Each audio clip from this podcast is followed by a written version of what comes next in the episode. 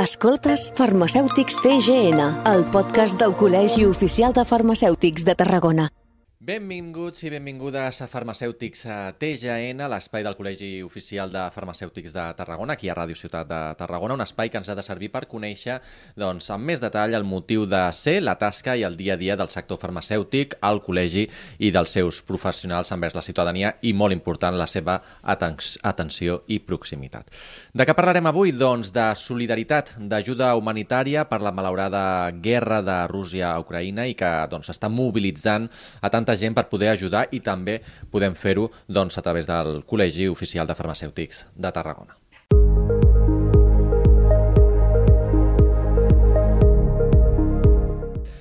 Davant la situació de conflicte armat que s'està produint a, a Ucraïna, han sorgit moltes iniciatives a ciutadanes amb l'objectiu doncs, de, de recollir, entre d'altres, doncs, productes, medicaments i material sanitari. Per això, el Consell de Col·legis Farmacèutics de Catalunya doncs, anima a la població a continuar col·laborant sempre, això sí, tenint en compte la importància de canalitzar doncs, totes les donacions i la solidaritat a través de, de circuits oficials i autoritzats per assegurar que les ajudes ajudes doncs, siguin eficients i arribin on es necessiti. Per parlar-ne ens acompanya uh, Iris Barreda, és vocal d'oficina de farmàcia del Col·legi Oficial de Farmacèutics de Tarragona. Benvinguda.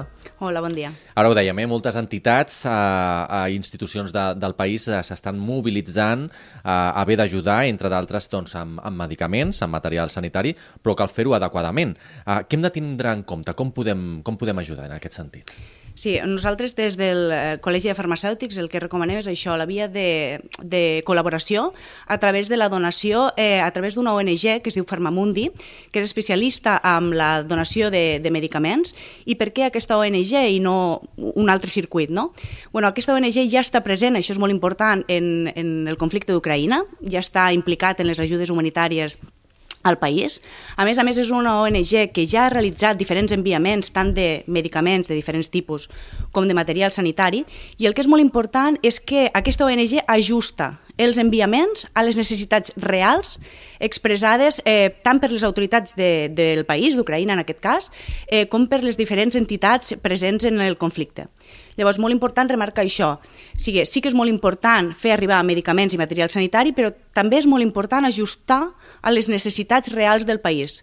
Perquè jo com a persona o inclús com a farmacèutica puc pensar que el que requereixen és un tipus de medicaments concret o un tipus de material sanitari que no és realment el que necessiten i, per tant, intentar fer els enviaments el màxim d'eficaços possibles. Sí, és veritat que no és un circuit senzill i és per això que és molt important canalitzar-ho sempre eh, pels canals oficials, el que dèiem, no? Perquè moltes iniciatives ciutadanes han sorgit i és molt comprensible i lloable, però sí que és veritat que no garantitzen sempre per la dificultat, al final no hem de perdre de vista que és un, un conflicte bèl·lic, que és una zona que està en guerra, i no és tan fàcil eh, enviar recursos. Llavors és molt important canalitzar-ho sempre a través de canals oficials i autoritzats per assegurar-nos de que arribi allò que ha d'arribar eh, de la manera que ha d'arribar, complint amb uns estàndards de qualitat, després ho veurem, i eh, a, a la població que realment ho necessita, els professionals sanitaris del país, que és qui n'ha de fer ús. Uh -huh. uh, com esteu valorant aquesta resposta ciutadana uh, de moment? Suposo que s'estan ja començant a rebre uh, a les oficines. Uh, no sé si en aquest sentit heu pogut uh, informar a través de cartelleria o d'alguna manera. Sí, efectivament, el que hem rebut, i, i això ho està veient la població en general, no molta resposta ciutadana, moltes ganes de col·laborar, i nosaltres des de les farmàcies el que fem és sempre intentar canalitzar-ho, eh, aquesta, aquesta solidaritat que ha sorgit, i, i, i realment això és un, un, parla molt bé de la societat, no? però sempre canalitzar analitzar-ho a través d'aquests circuits que són oficials per evitar, sobretot, enviaments que no siguin els que requereixen el que dèiem al principi. Buscar que els medicaments eh, siguin els que realment es necessiten, no el que la població creu o pot pensar que siguin necessaris. Llavors, evitar enviaments innecessaris de medicaments i que per canals que no garanteixen sempre ni la qualitat del medicament enviat, ni que realment allò arribi on realment es busca que hagi d'arribar. No? Llavors, molt important buscar sempre canals oficials. Uh -huh. I en aquest sentit, quines serien les passes? La ciutadania pot apropar-se a les oficines de farmàcia, comprar els medicaments i ja es queden allà o... Sí, no, eh, de fet aquesta és la via que, que més potser eh, la, la gent creu que és la, la correcta i no. Nosaltres el que, el que recomanem és fer la donació eh, econòmica a través d'aquesta ONG que ja ha posat a la disposició eh, un número de compte eh, específic per a, per a, això, per a, per a la donació de, de medicaments, destinada perdó, a la donació de medicaments al conflicte d'Ucraïna. I fer-ho a través d'aquesta ONG, canalitzar-ho tot. No, eh, eh, precisament això, evitar anar a una farmàcia a comprar uns medicaments més que res perquè, en primer lloc, no sabem si els medicaments aquests són els que es necessiten.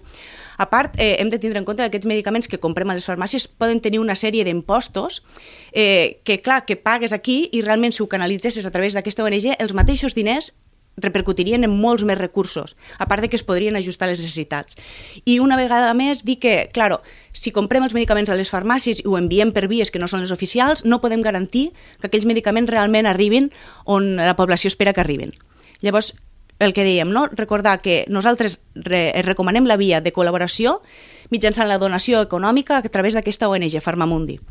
Uh -huh. Per tant, no fa falta que, que pregunti quins són els medicaments més necessaris, perquè en aquest sentit el que recomaneu és fer les donacions econòmiques i a partir d'aquí vosaltres, o la Fundació, ja, ja ho vehicula tot plegat. Exacte, nosaltres ho recomanem, a més hem de tindre en compte que tots sabem que el medicament és un bé de, de primera necessitat, és un bé essencial, però no cal ni dir que no és un producte inocu, que té una sèrie de característiques eh, que els poden fer, poden produir, per exemple, reaccions adverses. Llavors, els medicaments donats no serveix qualsevol, han de complir una sèrie de característiques molt importants. Una és el que dèiem al principi, jo sé que em repeteixo, però és molt important, ajustar a les necessitats reals. No el que jo crec que necessiten, sinó el que realment eh, és necessari en aquell país. I això, realment, les persones no tenim per què, per què saber-ho, no? ajustar les necessitats reals. Una altra característica que ha de complir la donació de medicaments és que els medicaments han de tenir una caducitat superior als 15 mesos i molt important és també que han d'estar etiquetats en un idioma comprensible per als professionals sanitaris del país. I això és una cosa que si jo vaig a una farmàcia aquí i compro un medicament, ja no ho estic complint. A banda, tampoc són eh, vàlids per a, per a la donació eh, medicaments que ja hagin sortit del circuit farmacèutic. Aquesta també és una consulta que ens trobem moltes vegades a la farmàcia medicaments que tinguéssim a casa des de fa molt temps, encara que no estiguen caducats, no servirien. Tampoc medicaments del sigre, que no estiguen caducats. Per què? Perquè no sabem com han estat conservats. Per tant, no sabem si són aptes per al consum humà i, per tant, eh, el que dèiem, no, no complixen amb els estàndards de qualitat del medicament, que és tan important eh, complir-los aquí com, com en el país, no? que s'espera ajudar. I a part, els medicaments tenen una sèrie de legislació eh, que fa que, que requereixen una autorització eh, expresa d'exportació de l'Agència Espanyola del, del Medicament per arribar al país i també complir amb una sèrie de, reglament, eh, de reglamentació eh, d'exportació internacional i, per tant, totes aquestes característiques fa que els enviaments particulars no, mm, el més probable és que no arribin on hagin d'arribar. No? Llavors, sempre canalitzar-ho, el que dèiem, per aquesta via, per la donació econòmica a través d'aquesta ONG, que aquesta ONG s'encarregui de, de fer la donació. Mm -hmm. I davant de totes aquestes iniciatives que han anat sorgint, com comentaves, amb, amb bona fe i que mm -hmm. sí estan recollint medicaments, no sé si heu tingut ocasió de posar-vos en contacte amb algunes d'aquestes entitats o alguna entitat s'ha posat en contacte amb vosaltres a l'hora de, de fer aquesta recollida de, de medicaments per, saber com... Sí, eh, nosaltres el que ens ha arribat moltes vegades és eh, bueno, la petició d'aquestes eh, entitats, associacions, perquè les farmàcies siguin un punt de recollida de medicaments, però, clar, nosaltres sí que és veritat que no sabem, una vegada aquesta entitat eh, s'ho emporta de la farmàcia, quins canals utilitza per enviar-ho i si realment eh, finalment poden arribar allà on, on, on, on s'espera que arribin. No ho desconeixem, llavors sí que ens ha arribat la petició, però únicament com a punt de, de recollida de medicaments. Uh -huh. Col·laboració amb aquesta fundació, amb Farmamundi. Més enllà de, del conflicte d'Ucraïna, no sé si hi ha uh, objectius de seguir col·laborant d'alguna manera amb aquest uh, o altres projectes.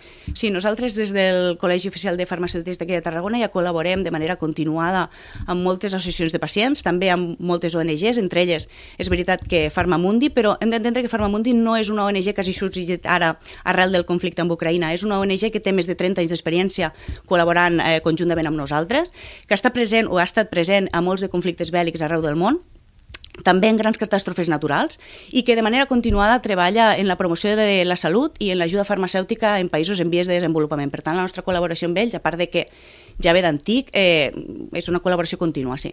Uh -huh. Doncs ja per acabar, missatge final per a la ciutadania, per a tots els oients que ens estiguin escoltant i doncs, que s'estiguessin plantejant doncs, fer donacions, en aquest cas, de, de medicaments. Sí, a mi del dia d'avui m'agradaria sobretot que quedessin molt clars dos conceptes, que s'han d'evitar, intentar evitar al màxim els enviaments de medicaments innecessaris, perquè lluny de, de ser una ajuda poden arribar a ocasionar un sobrecost i una sobrecàrrega de feina que no és el que, el que es busca, que els interessa. I per altra banda, animar la població a continuar col·laborant com ho ha fet fins ara, però sempre buscant això, canals oficials, autoritzats. Per què? Perquè garantitzen que arriben els medicaments que realment són necessaris, buscar l'eficàcia dels recursos, eh, sempre eh, amb l'etiquetatge eh, comprensible per als professionals del país receptor, que això és molt important per garantir el bon ús del medicament, i sempre per canals que garantitzen tant la qualitat del medicament, molt important i no ho hem d'oblidar, com l'accés final per part de la població, que és el que realment es busca. Per tant, la importància de seguir sempre això, els canals oficials. Doncs eh, queden dits aquests consells de, davant de la nostra audiència, davant de la ciutadania en el sentit de la col·laboració amb Ucraïna, en aquest sentit des de la vessant de, dels medicaments. Iris Barreda, vocal d'oficina de farmàcia del Col·legi Oficial de Farmacèutics de Tarragona, moltes gràcies un cop més per haver-nos acompanyat i haver-nos doncs, donat una mica més llum sobre tot plegat. Moltes gràcies a vosaltres per la invitació. I a vosaltres, gràcies una vegada més per haver-nos acompanyat aquí a Farmacèutics TGN, el podcast del Col·legi Oficial de Farmacèutics de Tarragona. Fins la propera.